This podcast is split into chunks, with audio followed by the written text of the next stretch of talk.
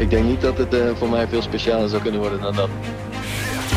Pak 14 hier in de arena ontploft. Het stadion schudt letterlijk op zijn grondvesten. Is dit de beslissing? Dit is de beslissing, denk ik.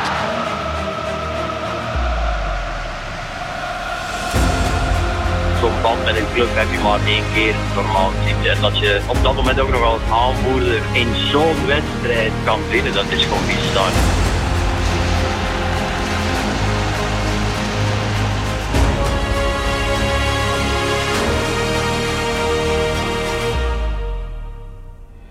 Je luistert naar alweer de laatste aflevering in de speciale Ajax Live podcastserie 10 jaar derde ster.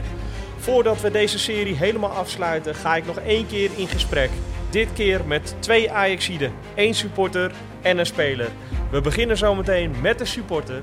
Iedereen die wel eens een wedstrijd in de arena heeft bezocht, kent hem wel. Hij is degene die iedereen aanjaagt en opzweept om met z'n allen zoveel mogelijk geluid te maken en dat over te brengen op onze spelers. Wij gaan in gesprek met de toenmalig capo van vak 14, Dani. Dani, bij het horen van uh, de datum 15 mei 2011, waar denk jij dan als eerste aan? Eindelijk, magisch, ontlading, ongelooflijk. Het was uh, heel intens die dag. Het was... Uh, een dag ja, die moeilijk te beschrijven is, vol emotie. Een dag waar heel veel mensen en ik ook ja, jaren naar hebben uitgekeken. Ja, wat wil je als je zeven jaar geen ja, titel pakt en ja, uitgerekend tegen de nummer 1 Twente op dat moment in eigen huis. Pak je de, ja, de derde ster. Ja, wat, het is ongelooflijk. Het was, het was een mooie dag, een onvergetelijke dag. De dag voor de wedstrijd was er een openbare training in de arena. Daarbij waren duizenden Ajaxiden aanwezig. Wat herinner je nog van de openbare training? Nou, dit was de eerste keer dat, uh, dat de training echt uh, met, ja, wat is het, noordkant van het stadion, 4.500 man, 5.000 man, gewoon een volle Noordtribune. Het was echt geweldig. Het was, uh, ja, iedereen was er klaar voor. Het was een, eigenlijk wisten we toen al van dit kan niet meer misgaan. En dat, uh, ja, misschien begon het al eigenlijk twee weken ervoor, toen we uitwonnen bij Heerenveen met 2-1. Ja, toen, ja, dan, ja, tegen de directe concurrent, titel, titelkandidaat in eigen huis, dat kan niet meer misgaan. Dus die training was al, ja, het was geweldig. de sfeer was continu goed. De spelers kwamen nog een tijdje bij ons na afloop van de training. Uh, ja, iedereen bleef uh, volgens mij van onze groep tot de uurtje of vijf, zes in het stadion ook nog om de, om de tifo voor te bereiden in het stadion. Uh, alle materiaal moest op het vak gelegd worden, de trommels. ja, dat was, het, het, was top. Het, was, het kon niet meer misgaan gewoon die dag. Omschrijf de sfeeractie is van, van die dag die jullie voorbereiden, die de dag op de wedstrijddag zichtbaar was voor in het stadion. En wat was het idee erachter? Nou, dat was een best wel vrij unieke uh, sfeeractie. Nou, ik denk dat 14 op dat moment uh, ja, wel tot de top van Nederland behoorde qua tifo. En ja, wat we toen hebben laten zien was natuurlijk prachtig. Nou, er verscheen een staaltje echt van kwalitatief, kwalitatief hoogstaande tifo. Nou, de doeken waren tot in de kleinste details ja, vervaardigd. En ja, sommige tekenen voor even, ultras voor het leven. Dat zo stond het geschreven op het balustradedoek. En uh, drie van onze jongens uh, showden trots hun uh, tatoeages op het hijsdoek. En het Amsterdamse stadswapen en de Andreaskruizel op maar twee voorbeelden aan te halen. En ja, op de eerste rij was te zien hoe figuurlijk een tattoo werd gezet. Dus dat was een bewegende tifo. Ja, dat was natuurlijk al vrij uniek in Nederland, dat dat te zien was. Op de onderarm stond de ultras, geen trend, maar een levenswijze. Ja, zeg maar, het idee was zeg maar, ontstaan uit frustratie dat na het kampioenschap veel spelers uh, ja, mogelijk weer zouden vertrekken naar andere clubs. Omdat ze daar dan misschien uh, een beter salaris konden krijgen. Want na elk, jaar, na elk topjaar van Ajax is het natuurlijk zo. Nou, spelers tekenen contract voor een paar jaar nou ja, bij een club. Eigenlijk voor, voor heel even maar, zeg maar. Nou, geld wordt verkozen op een gegeven moment boven clubliefde. Op een enkeling na dan. Nou, ultras daarentegen, of de fanatieke supporters, nou, zijn van jongs af aan tot de oude dag alleen maar voor de, voor de voetbalclub. Nou, in dit geval Ajax. Nou, zonder maar enige vergoeding steken al hun vrije tijd zeg maar, in de groep. Ze tekenen geen contract, maar laten wel hun groepsnaam of logo op hun naam tekenen. Nou, dat is voor eeuwig getekend. Nou, jij kent ook net als ik heel veel jongens met tattoos op hun lichaam. Nou, de jongens op het doek waren zeg maar eigen jongens die gingen poseren in het oude honk toen de tijd. Nou, het oude honk was uh, uh, nou, niet zoals nu aan de zuidkant, maar aan de noordkant van het stadion, bij het oude trainingsveld. Nou, er werd daar een fotosessie zeg maar uh, gedaan, nou, om, het, om het ontwerp te maken voor de TIFO-actie. De tattoo op de onderarm, daar kwam vak 14 op te staan. Nou, meerdere jongens hebben dat seizoen dat op een kuit en onderbeen getatoeëerd. Nou, in het verleden waren we natuurlijk uh, vak 14 gerelateerde tattoos gezet met, met een uh, tifosi doodskop of een uh, Franse lelie. Maar niet eerder de tekst of de naam voluit vak 14, dat het zo was uitgeschreven. Nou, dat is, was wel een van de eerste keren dat dat, dat was wel zeg maar de eerste keer dat dat gebeurde, zeg maar. Nou, zo kwam eigenlijk het idee tot stand om, uh, ja, om een bewegende tifo te laten zien. Dat je de tatoeëerder zag, die eigenlijk uh, live uh, ja, bij, aanv bij aanvang opkomst van de spelers, ja, mooi die, ja, de tattoo op de onderarmen schreef. Ja, en dat was, het, dat was eigenlijk het idee erachter. Je vertelde net over de sfeeractie hè? en uh, ultra ben je, uh, ben je voor het leven. Uh, en spelers tekenen natuurlijk maar voor even, net als clubdirecteur en dergelijke. Hoe was in die tijd de band tussen de supporters en de spelers? Nou, de band tussen de supporters en de spelers waren, was toen wel echt wel ja, redelijk goed te noemen, kan ik je wel vertellen. Het was ook wel een andere tijd natuurlijk. ja, ook qua trainingen was iets meer mogelijk dan natuurlijk nu hè, met de trainingen. Natuurlijk niet zoals het seizoen tussen, laten we zeggen, 2004 en 9 of 10, dat ze nog bij het, uh, hè, bij het oude honk trainen, bij het trainingsveld. Dat ze, dat je bijvoorbeeld op een vrijdag of zaterdagmiddag nog lekker het honk in kon gaan voor een, uh, voor een koffietje of een gebakje, een beetje klaverjas. En dat ze dan gewoon ja, rustig naar de kleedkamer liepen. Ja, toen was natuurlijk ook, had je ook veel meer interactie. Maar toen was er ook wel ja, veel, ja, veel betere band wil ik niet zeggen dan nu, want nu is er ook wel uh, ja, redelijk contacten dus met de bepaalde spelers uh, ja, en fanatieke aanhang natuurlijk. Maar ja, toen was het ook gewoon goed. En ja, uh, die spelers die, die wil je ook natuurlijk motiveren net voor die, om die derde ster natuurlijk naar binnen te halen. En natuurlijk uh, zijn er ook na die wedstrijd tegen Winnen zijn natuurlijk wat uh, berichtjes over en weer gestuurd. Uh, of er was een meeting in het honk of, of, of op de toekomst. En daar is ook natuurlijk het nodig gezegd. En om natuurlijk die spelers natuurlijk extra peper in hun reet te geven. Ja. En wat deden jullie als supporters eraan om alles voor te bereiden voor die bekerfinale en voor de kampioenswedstrijd. Ik kan me voorstellen dat na Herenveen Ajax op 1 mei, die we met 1-2 wonnen, dat er van alles geregeld moest gaan worden. Nou, we hadden natuurlijk al gelijk na de wedstrijd tegen Herenveen hadden we al zoiets van: oké, de dag daarna, dat was op een maandag, moest al gelijk alles in gang worden gezet, natuurlijk om, uh, ja, om alles uit de kast te halen, om te zorgen dat die derde ster gewoon hè, naar, uh, ja, naar ons gaat. En natuurlijk is het uiteindelijk ook gelukt. Alleen, ja, qua alles kwam in gang. Ik denk dat de meetings, gesprekken waren binnen alle lagen van de club. Nog net niet met, hè, met de schoonmaken, maar alles uh, van honk tot aan, uh, tot, aan de, tot aan de kantoren binnen de arena. Er is zoveel gesproken met elkaar van wat gaan we doen om te zorgen dat, hè, dat wij ja, ja, kampioen worden. Dat wij die derde ster gaan pakken. Ja, het was, ja, het was ook eigenlijk heel mooi om mee te maken. Tuurlijk had je weinig slaap, maar daar hadden wel veel meer mensen last van. Alleen, ja, dat was, dan kom ik weer terug op die wedstrijd in de Kuip. Ja, die wedstrijd, die bekerfinale, ja, we staan 2-0 voor. We verliezen met 3-2. Alleen, het was een topmiddag, hè. Op de uitslag was het topmiddag. Maar je wist eigenlijk, het gaat om die week daarna. Tegen dezelfde tegenstander in eigen huis. Dat kan gewoon niet meer misgaan. Dus natuurlijk gebeurt er spontaan. Je verliest die wedstrijd. spelers willen het publiek bedanken. Ja, je kan maar één ding doen het gaat om volgende week. Dus ja, dan ga je kampioenen, kampioenen. Ja, dan zingen hoeveel? 18.000 man, hoeveel waren er? 20.000 man. Ja, ja dat, toen, wist, toen wist je ook eigenlijk af van, ja jongens, volgende week, het gaat allemaal goed komen. Dus ja, maar terugkomend op de gesprekken, ja, dat was... Uh, ja, dat ging tot, uh, tot laat in de avond door soms. En alles moet uh, top geregeld worden. Het werden een soort van tien geboden opgesteld. De, al, alles werd op de, ja, op, de, op de omloop van stadion opgehangen... van wat, wat wij verwachten van elke Ajax-support op dat moment.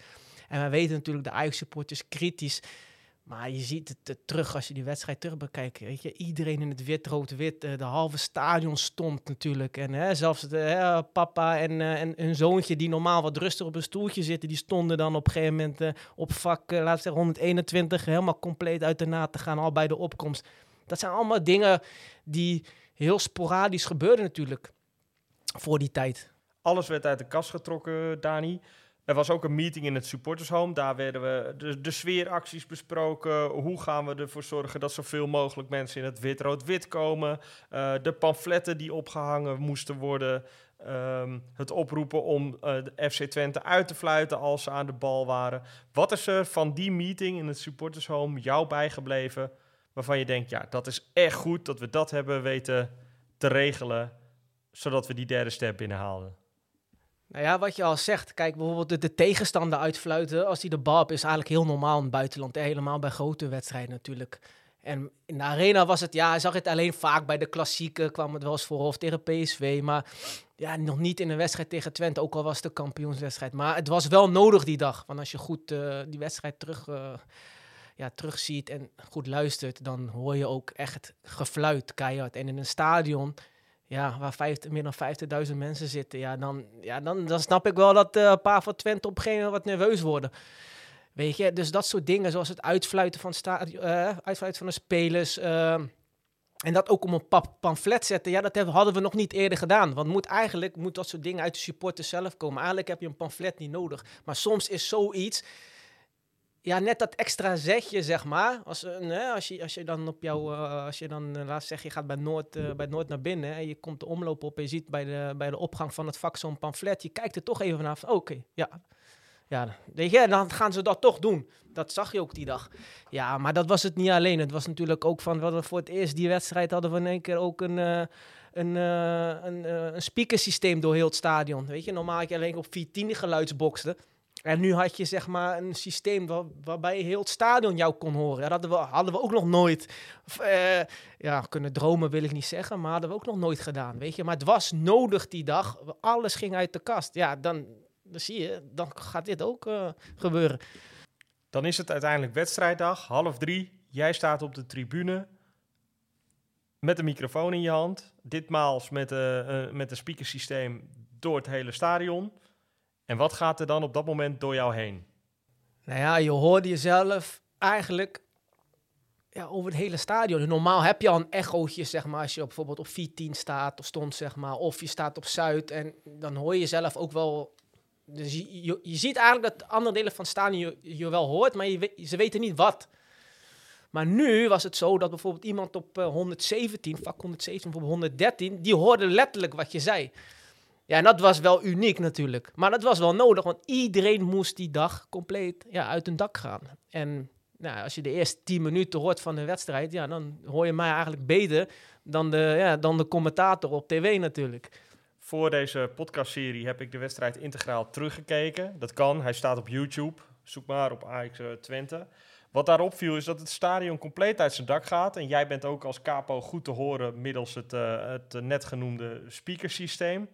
Alleen vanaf een minuut of tien hoor ik je niet meer. Wat uh, ging er mis? Microfoon naar beneden gegooid? Of? Nee, vanaf minuut tien was het klaar. En ja, soms heb je natuurlijk uh, wel even je telefoon bij de hand bij bepaalde wedstrijden. Alleen ja, dit soort wedstrijden, dan is die telefoon staat die in principe gewoon op stil en uh, is het gewoon focus op de game. En op een gegeven moment deed dat ding het niet meer.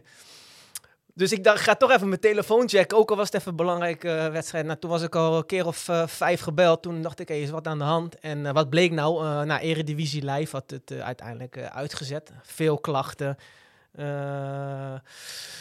ik, de, de, de, de, ja, de, laten we zeggen, de toeschouwer op die thuis lekker op tv de wedstrijd aan kijken was, die ergerde ze misschien aan. Dat hebben ze nu nog steeds, maar goed, hè, dat is niet ons probleem. Maar dat was toen wel, weet je, als neutrale toeschouwer snap ik wel op een gegeven moment van, oké, weet je, uh, je haalt je bek dicht of zo, weet je. Maar ja, het was, hij was uitgevallen. Nou ja, Eredivisie Live hem dus uitgezet. En nou, dat ging het alleen op 14 verder. Ook niet erg, want uiteindelijk ging het gewoon natuurlijk goed natuurlijk. Maar het was natuurlijk al uh, best wel uniek de, eerste uh, 9 à 10 minuten dat zoiets door heel het stadion te horen was. En uiteindelijk was het ook niet verder nodig, weet je. En iedereen wist wat, uh, wat, wat, wat die, die dag verwacht werd van de supporter. En ja, alles is goed gegaan en daar ben ik wel blij om. Wanneer wist jij zeker dat we hem zouden winnen? opkomst, warming-up. Oké, okay. en waarom toen? Ja, Cohesie on the Dance Floor, dat nummer. Het was nog niet eerder zo uitbundig ja, laten we zeggen, gezongen in het stadion. Laten we zeggen, na een half uur, drie kwartier voor de wedstrijd komen de spelers een beetje op voor de warming-up. Nou, je weet zelf ook, uh, normaliter uh, dan zit het stadion nog half leeg. Nou, op dat moment was het stadion voor 90% helemaal vol. En ja, die spelers komen op en je ziet letterlijk... Wat bij ons op het vak gebeurde, was gewoon een explosie. Dat kan je ook zien terug op de beelden. En ja, je ziet ook, me, ik, ik deed ook niks verder. Ik keek gewoon omheen van, ja, dus ik zeg ook gewoon tegen diegene die naast me stond, ik zeg, dit, dit komt wel goed, joh. Dit komt wel goed. En het mooiste is ook van die dag, je ziet gewoon mensen die normaal niet zo uitbundig zijn zoals wij de wedstrijd beleven, die, die gingen ook helemaal tekeer. Ja, dat, dat kan het niet meer misgaan. Dus eigenlijk dat moment dat die spelers, maar, ja, eh, voor de warming het veld opkomen, ja, en je zag ook die Twente supporters, dacht ook van, wat is dit allemaal? Nou, ze hebben het, ze hebben het gemerkt. Hey, Crazy on the Dance Floor, die dag volgens mij voor het eerst gebruikt, voorafgaand aan een uh, wedstrijd bij Ajax, uh, voorafgaand aan de warming-up. Hoe, weet jij hoe dat uh, tot stand is gekomen? Nou, dat is ook natuurlijk hè, in, in die gesprekken daarvoor. Hè, je moet natuurlijk een nummer hebben die een beetje hè, lekker opzweept. Hè, en dan, dan moet er niet gelijk 300 beats per minuut zijn. Maar uh, ja, dat is ook natuurlijk in die gesprekken voorgekomen. Ik weet niet meer wie precies ermee kwam, maar we hebben het nummer gehoord toen de tijd. En uh, ja, laat maar komen, weet je. En uh, nou, je ziet het, hè. Het is, het is goed gevallen. Kijk, zo'n nummer kan natuurlijk, hoef je niet, natuurlijk niet tegen Excelsior thuis te doen. Want dat heeft geen zin. Het halve stadion is nog leeg. Hè? Dat is anders. Maar bij grote wedstrijden, ja, dan heb je toch wel een opzwepend nummer nodig, die iedereen, hè, waar iedereen zich een beetje aan kan vinden en hè, wat lekker pakt. Ja, dat, en dan zie je gelijk ook hè, dat iedereen is er klaar voor. Het motiveert iedereen. Iedereen is helemaal in trance. En ja, iedereen was gewoon klaar voor. Het was, uh, het was gewoon top. Dus ja, dat is ook allemaal in de gesprekken allemaal voorgekomen. Nummer wordt nog steeds gebruikt, dus zeker nog actueel, ook wat dat betreft. Uiteindelijk de wedstrijd. Uh, scoreverloop 1-0, 2-0, 2-1. Uiteindelijk de 3-1. Siem de Jong rende richting vak 14. Deed dat wat extra's uh, met jou? Nou ja, als ik even terugkijk, uh, hè, wat ik net al heb gezegd. De 3-1 was de ontlading. Dat was de doodsteek voor Twente. Toen wisten we het zeker. Bij 2 natuurlijk, hè, dan is het toch kielen kielen. En uh, wordt het 2-2, dan uh, zit je daar met gebakken peren. Maar goed, het was, het was een mooie aanval, een mooie goal. Ja, het eerste wat, wat hij doet, is naar de cornervlag rennen. Ja, en die kijkt even letterlijk de, ja, de lucht in. En ik weet niet meer precies of, hè, of ik naar het veld keek of wat dan ook. Iedereen was natuurlijk helemaal een emotie van... nee, dit, kan niet, dit is gewoon klaar, het kan niet meer misgaan. En, maar goed, als je die beelden dan terugkijkt... dan zie je, zie hem echt bewust en de rest van de spelers echt naar ons... ja, naar ons juichen. Hè? En, met ons natuurlijk uh, die, die, ja, het kampioenschap vieren. Terwijl die kampioenschap voor iedereen in het stadion geldt. Maar op dat moment wees hij naar ons. Ja, en dat doet dan Tuurlijk doet dat wat met je, natuurlijk. Dat, uh, dat kan je natuurlijk niet aan ontkennen. Want ja, zes, zeven jaar, na zeven jaar eigenlijk, heb je geen titel gepakt. En nou, we hadden heel veel jonge supporters op dat moment op het vak. Die hebben natuurlijk nooit een, uh, een bewuste titel meegemaakt. Ja, een bekertje hier en daar. Alleen ja, het gaat natuurlijk uiteindelijk om de landstitel. Ja, dan zie je ook dat op het vak iedereen ja, die gaat helemaal los. En uh, ja, eindelijk is die binnen. Eindelijk is een titel binnen en de derde ster. Dus nu is een extra stijl op het shirt. Ja, dat is ook uniek. Geen enkel Nederlandse club heeft dat. En ja, die dag zat vol met emotie. En dat, ja, dat ik zie wel eens nog even terug, hè, die wedstrijd. Ik niet helemaal terugzien, maar ik weet nog precies wel bepaalde delen. Even terugkijken, even terugkijken. Gelukkig met al de social media tegenwoordig, hè, laat ze ook vaak dingen terugzien. Dus dat helpt wel even. Maar natuurlijk is het mooi als, uh, als een speler de beslissende uh, doelpunt maakt aan jouw zijde. En uh, die viert het met jou. Ja, dat, ja, dat, dat, is het mooiste wat er is. mooiste wat er is. Frank de Boer die uh, zei na afloop: Dit is ook de titel van het Ajax-publiek vanwege de enorme steun. Hoe heb jij dat ervaren? Voel je dat ook zo? Of wat vind je van zijn opmerking? Ja, ik denk het wel. Want ik denk dat wij in al die jaren, wat ik net al zei, geen titel hebben gepakt. Wij bleven eigenlijk continu achter de club staan.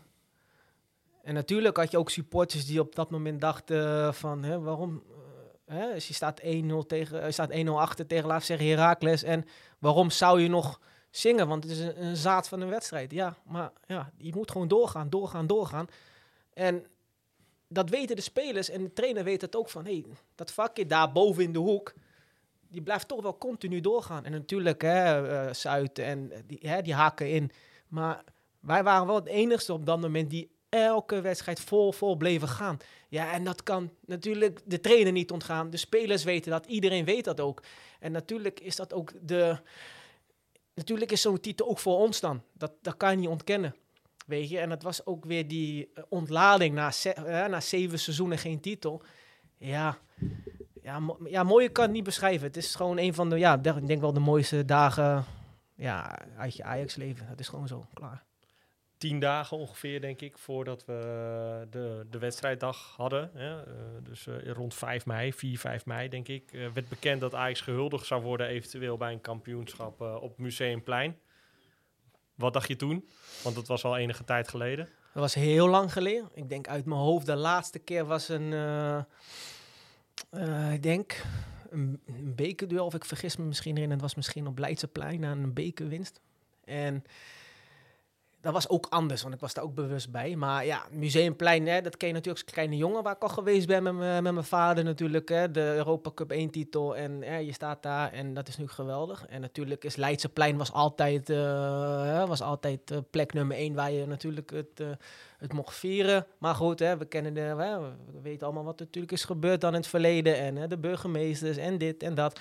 En uiteindelijk werd er gekozen voor Museumplein. Nou, dat is natuurlijk uh, ja, ook een perfecte locatie. Hè? Natuurlijk tien keer beter natuurlijk dan een uh, P2 of een, een Arena Park. Nou, wat er toen... wat er toen allemaal tot stand kwam, ja, dat was ook natuurlijk voor, voor mij ook natuurlijk prachtig. ja, ik kreeg ook zeg maar een, een moment natuurlijk op het podium. Nou hadden we dat al met na de bekerwinst uh, seizoen eerder uh, in het stadion dan met de huldiging. Alleen ja, dan staat er wat is 20.000 man, dat is anders hè. En, en nu staat er dan 100, 150.000 man uh, voor je. Ja, dat, dat kunnen sommige artiesten niet zeggen, hè? een Brossato of een René Vroger. Maar nee, dat is natuurlijk geweldig. En, en, maar dat soort beelden kijk ik niet heel vaak terug, want ik vind dat wel een beetje apart. Weet. Ik vind het echt mooi, die hele meute. En ik vind het geweldig. Net als afgelopen, twee jaar geleden, zeg maar dat vond ik nog mooier eigenlijk. Maar op dat moment, weet je, je gaat pas beseffen als je later die dag in je bed bent. Ga je alles even terugspelen, wat is er gebeurd? En ja, dan besef je van, oké, dit is wel een van de vetste dagen ooit. Wat is voor jou dan de aller, allermooiste herinnering aan 15 mei 2011? Nou ja, ik denk de allermooiste is natuurlijk uh, het fluitsignaal. Ja, het is gewoon zo natuurlijk. Het fluitsignaal, het, het, moment, het vallen van Jan Vertongen op dat moment op het veld. Kijk, op dat moment heb je natuurlijk niet door. Dat zie je ook natuurlijk later terug. Maar dat doet wat met je natuurlijk. En de ontlading van de trainers. Je ziet Frank de Boer. Ja, dat is gewoon ja, iets, iets unieks, iets prachtigs. Zeg je. En dat is hetzelfde geldt voor ons op die tribune. Het, de, de wit-rood-witte massa. Uh, een man van 70 valt, die, uh, valt in de armen van, uh, van zijn buurman die de 50 jaar jonger is. die valt weer over die heen. Ja, dat zijn toch wel de dingen die het meest bijblijven. Gewoon de emotie, de ontlading van, die, van het moment van de fluitsignaal en van de doelpunten natuurlijk. Want ik weet nog, voor mij bij de 1-0, voor mij hield ik het niet helemaal op het podium. Voor mij viel ik naar beneden een beetje. Dat is ook niet zo gek, maar ja, dat soort dingen, weet je. Dat, zijn, dat soort dingen zijn wel die het me meest bijblijven, echt. Echt, dat was gewoon, ja, dat was gewoon uniek. Wij lopen al een aantal jaartjes mee in 2011. We zijn al een aantal jaren seizoenkaarthouder. Uh, wij hebben op dat moment ook jaren geen prijs gewonnen. Hoe belangrijk was het voor Ajax dat zij weer kampioen worden? Uh, dat, dat die derde ster werd gepakt? Nou, je ziet het, hè. Kijk, uh, we hebben die jaren daarvoor hebben we wedstrijden meegemaakt. In een beker, half leeg stadion. Ja, voor mij hebben we een keer met Ajax-ADO op het oude 14 op Noord zaten we misschien maar met 12, 13.000 man stadion, als het niet minder is. En dan zie je toch dat zo'n derde ster, ja, dat geeft een boost. En dat zag je natuurlijk een paar jaar geleden ook naar de Europa League finale. Ja, dat geeft weer een boost. En dan zie je weer halve finale Champions League twee seizoenen terug. Geeft weer een boost. Maar goed, ik denk altijd van of Ajax nou goed of slecht gaat. Want wij waren die seizoenen tussen 2004 en 2011... waren wij misschien op ons best op de tribune. Want hoe slechter het ging, gingen wij steeds door, door, door. Harder en harder. Mooie tifo's, continu zang op de tribune. Wij werden eigenlijk beter en groter. Alleen, wat zie je dan als je de titel pakt in het seizoen daarna, het seizoen dan ook? Ja, dan hè, wil iedereen weer Ajax-supporter zijn. Zo, daar ontkom je niet aan. Dat is eenmaal zo. Weet je, ja, en dat uh, is aan de ene kant mooi, man. Dan kan denk ik van, weet je... Uh, je komt alleen als het goed gaat, weet je. hè? dus ja, dat, eh, ja, dat, ja, denk ik, ja, daar heb ik niet zoveel mee verder eigenlijk. eh. je bent Ajax voor altijd, of het nou goed of slecht gaat. Dus ja, maar als ik even terug ga, zeg maar, ook op die dag zelf. Ja, de honk gaat ook om 9 uur open, hè. Dus en normaal liter ging het honk nooit om 9 uur s ochtends open als de wedstrijd om half drie was. En eh, het, het weertje zat mee, zonnetje schijnt, lekker in je t-shirtje. Eh, ja, je komt aan, wat is het, half negen, kwart voor negen bij het honk. Er staat een hele mensenmassa op het grasveld. Nou, ik drink dan geen bier, maar ik zie dan al mensen zwaande bier misschien doorgehaald. Ja of nee, maakt allemaal niet uit. Maar iedereen is al helemaal hè, in, die, wedstrijdmodus. Ja, en dan, hè, dan wordt het langzaam 12 uur, wordt het langzaam half 1. Ja, dan weet ik nog, toen wij met echt met een mensenmassa liepen wij dus vanaf het honk in een corteo-vorm eigenlijk, ja, richting de zuidkant van het stadion. Even nog stoppen bij de bekende Entrada-plek, onder de brug, onder viaduct. Even daar onze ding doen en we liepen verder door naar, het, eh, ja, naar Zuid. En eigenlijk daar ontstond een soort van entrada. En entrada is natuurlijk, hè, het is, eh, dat is dat je met z'n allen op een bepaalde plek staat en dan hè, in een grote sfeer. En ik denk dat we daar zeker een half uur hebben gestaan voor Zuid-J. Mensenmassa, duizenden, echt. Dat, want ook mensen eromheen, natuurlijk, die wilden ook kijken, wat, hey, wat is gaande, wat is er gaande, weet je. En iedereen, ja, die gingen mee. Het werd zo gek dat tijdens de opening van het stadion, werd er hier en daar vuurwerk af, zo'n rookpotje hier en daar. Dat, ja, dat de sommigen dachten van, ja, ik heb geen kaart, ik eh, klim de tourniquets over en ik ga naar binnen. Ja, dat, dat is ook hier, dat is ook gebeurd. Dus het, ja, het had alles. Het, eh, eigenlijk het, hoe een kampioenswedstrijd eh, eh, beleven moest worden, ja, dat was, dat, dat was die dag. Dankjewel Dani voor je verhaal, voor jouw herinnering aan 15 mei 2011. Wij sluiten deze podcastserie af met een speler en zoals altijd kondig ik deze aan met een introductie. Vandaag bel ik met een oud speler, eentje die nog steeds actief is in de eredivisie en voor altijd onlosmakelijk verbonden is met 15 mei 2011. De hoofdrolspeler van dit duel, mogen we wel zeggen. Een speler die sinds zijn puberjaren bij Ajax speelde en zoals alle talentvolle Ajaxiden dat doen, meteen scoorde bij zijn debuut. Zijn definitieve doorbraak viel samen met de komst van Frank de Boer, die een nieuwe rol voor hem in petto had. Deze alleskunner op het veld werd in de spits geposteerd en presteerde daar fantastisch. Jaar in, jaar uit scoorde hij veelvuldig en in de dubbele cijfers. Vaak ook op belangrijke momenten, zoals in bekerfinales, Champions League wedstrijden en kampioensduels.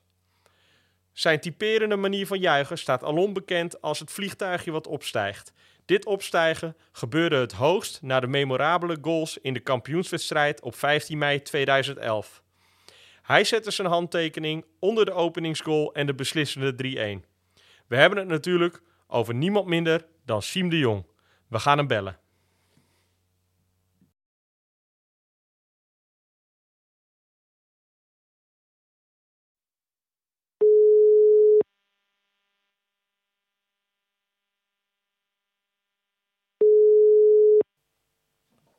Hoi, met Herjan, supportersvereniging Ajax. Hoi. Hoi. Om meteen met de deur in huis te vallen. 15 mei 2011. Waar denk jij dan aan, Siem? Ehm, waar ik dan direct aan denk is eh, ja, die, die wedstrijd. eh, ehm, en dat we kampioen worden tegen Twente in de derde ster winnen. En terugkijkend op 15 mei 2011, op de wedstrijd, op die, op die dag. Welk gevoel overheerst er dan voornamelijk bij jou?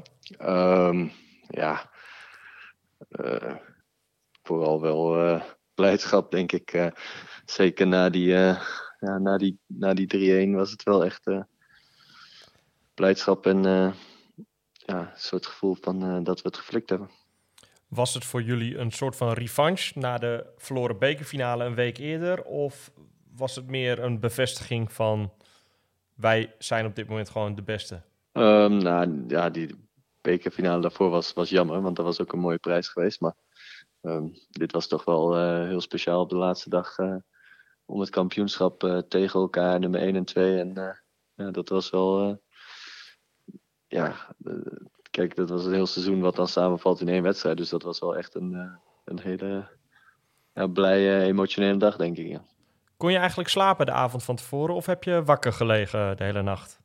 Uh, ja, op zich wel. Ik, ik, kan me wel herinneren dat er wel veel scenario's door mijn hoofd gingen. Dat je wel gewoon ook veel gaat nadenken.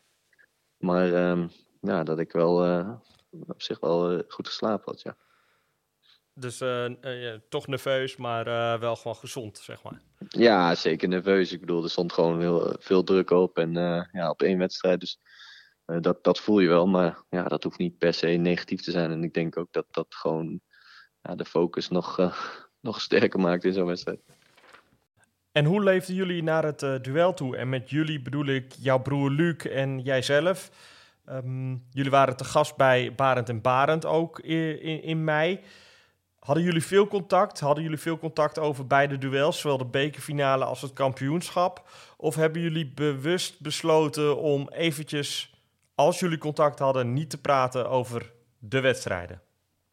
Ja, nou ja, we, spraken elkaar heel veel nog uh, tussen die dagen, of uh, tussen die wedstrijden door en uh, eromheen. We hebben natuurlijk vrienden en familie en moesten toch ook alles regelen voor de wedstrijden en kaarten. En iedereen wilde er natuurlijk bij zijn. Dus ja, het op de wedstrijddag zelf was er dan iets minder contact misschien, behalve dan op het veld en na de tijd.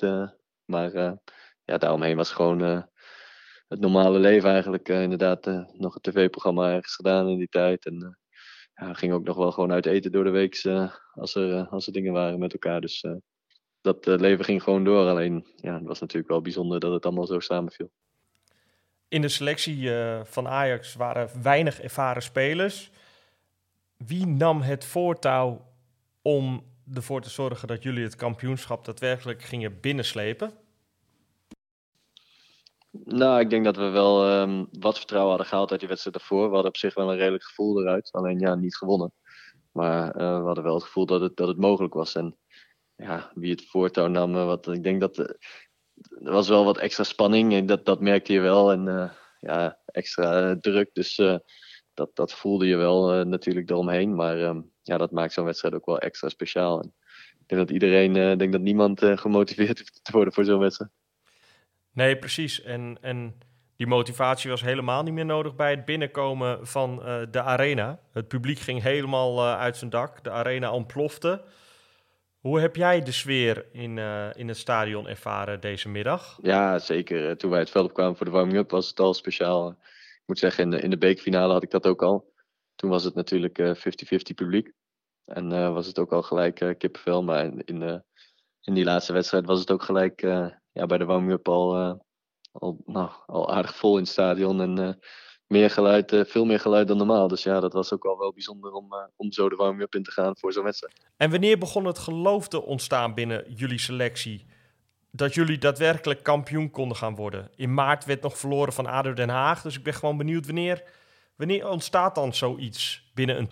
Um, ja, zo specifiek kan ik het me niet meer herinneren. Maar ik denk wel dat we richting het einde van het seizoen, ja, we, we, wonnen veel, kwamen toch steeds een stapje dichterbij. En ja, op een gegeven moment, uh, ja, op het laatst krijg je natuurlijk, uh, heb je het in eigen hand. Dus dan ja, komt het heel dichtbij ineens. En uh, ja, ik denk gedurende het seizoen zijn er absoluut momenten geweest dat we dachten dat dat, niet, dat, dat niet het jaar zou worden van, van de derde uiteindelijk. Maar ja, richting het einde, ja, denk ik dat dat gevoel er steeds meer in kwam. En het zelfvertrouwen steeds beter werd. En ja, uiteindelijk ook uh, op het laatste dat we het flikten. En hoe was het voor jou persoonlijk? Na de trainerswissel tussen Martin Jol en Frank de Boer... Um, werd jij veelal gebruikt als, als spits in plaats van als schaduwspits. Mede door het vertrek van Luis Suarez natuurlijk.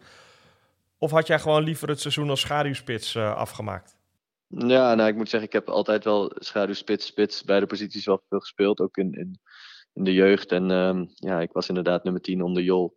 Dus dat, uh, dat ging op zich ook wel aardig. En toen kwam, uh, kwam Frank en um, ging ik eigenlijk gelijk al de eerste wedstrijd naar de spits. En ja, uh, de, de, de gedachten en alles erachter, ja, dat, dat snapte ik wel. En met elkaar ook gewoon besproken. En ja, ik denk dat het uiteindelijk ja, goed heeft uitgepakt. En ik nog wel in jaren daarna ook nog wel tijd in de spits heb gespeeld. En ja, op zich vind ik dat ook een, een fijne positie. En ik vul dat misschien iets anders in dan andere spitsen. Maar um, ja, ik denk wel dat ik daar het vertrouwen kreeg en ook gewoon uh, ja, belangrijk kon zijn voor het team.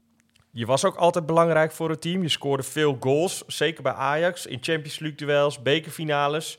Maar ook in deze wedstrijd twee goals van jouw voet.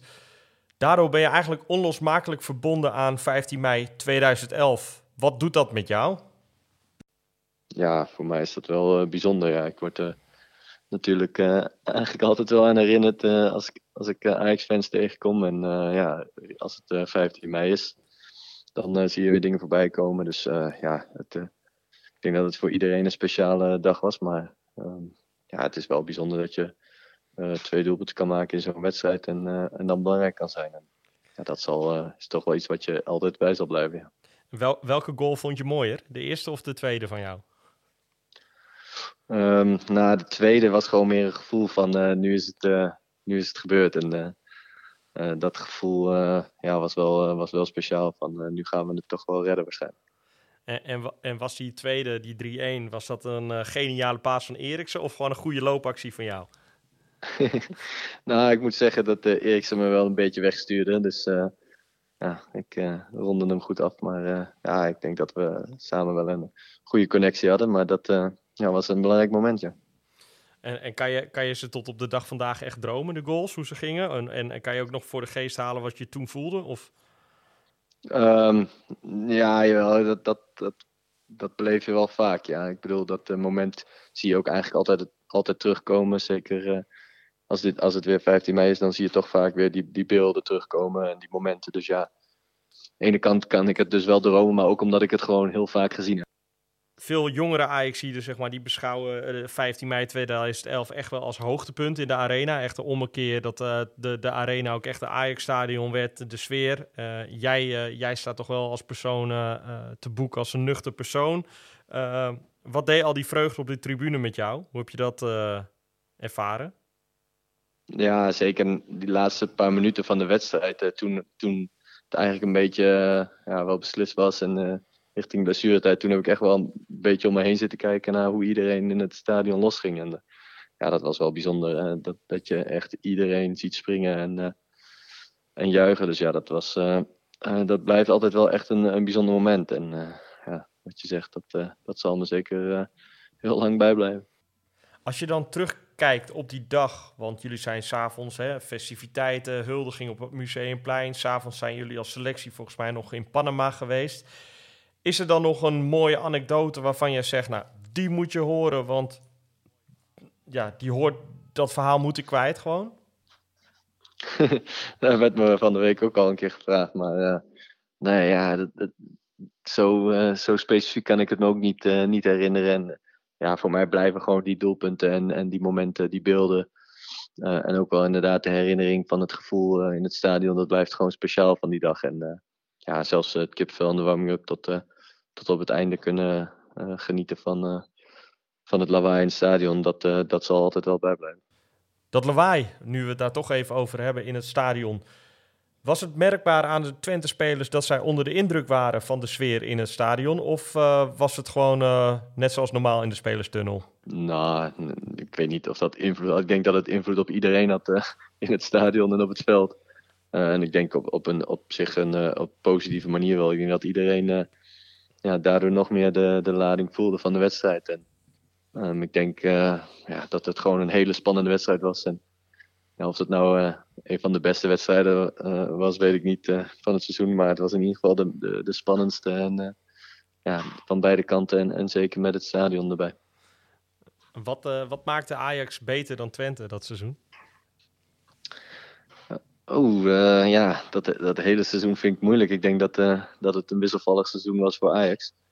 Um, maar ik denk dat, uh, ja, dat wij op het einde een, een goede inhaalrace. En ik denk dat ehm, ja, het belangrijk was dat wij op het einde piekten eigenlijk. En op het juiste moment. En ik denk dat dat voor ons dat seizoen uiteindelijk goed heeft afgesloten. Nu je het hebt over het pieken van, van Ajax. Was dat het resultaat van Frank de Boer? Of heeft Frank de Boer verder kunnen bouwen op hetgeen wat Martin Jol heeft achtergelaten? Of...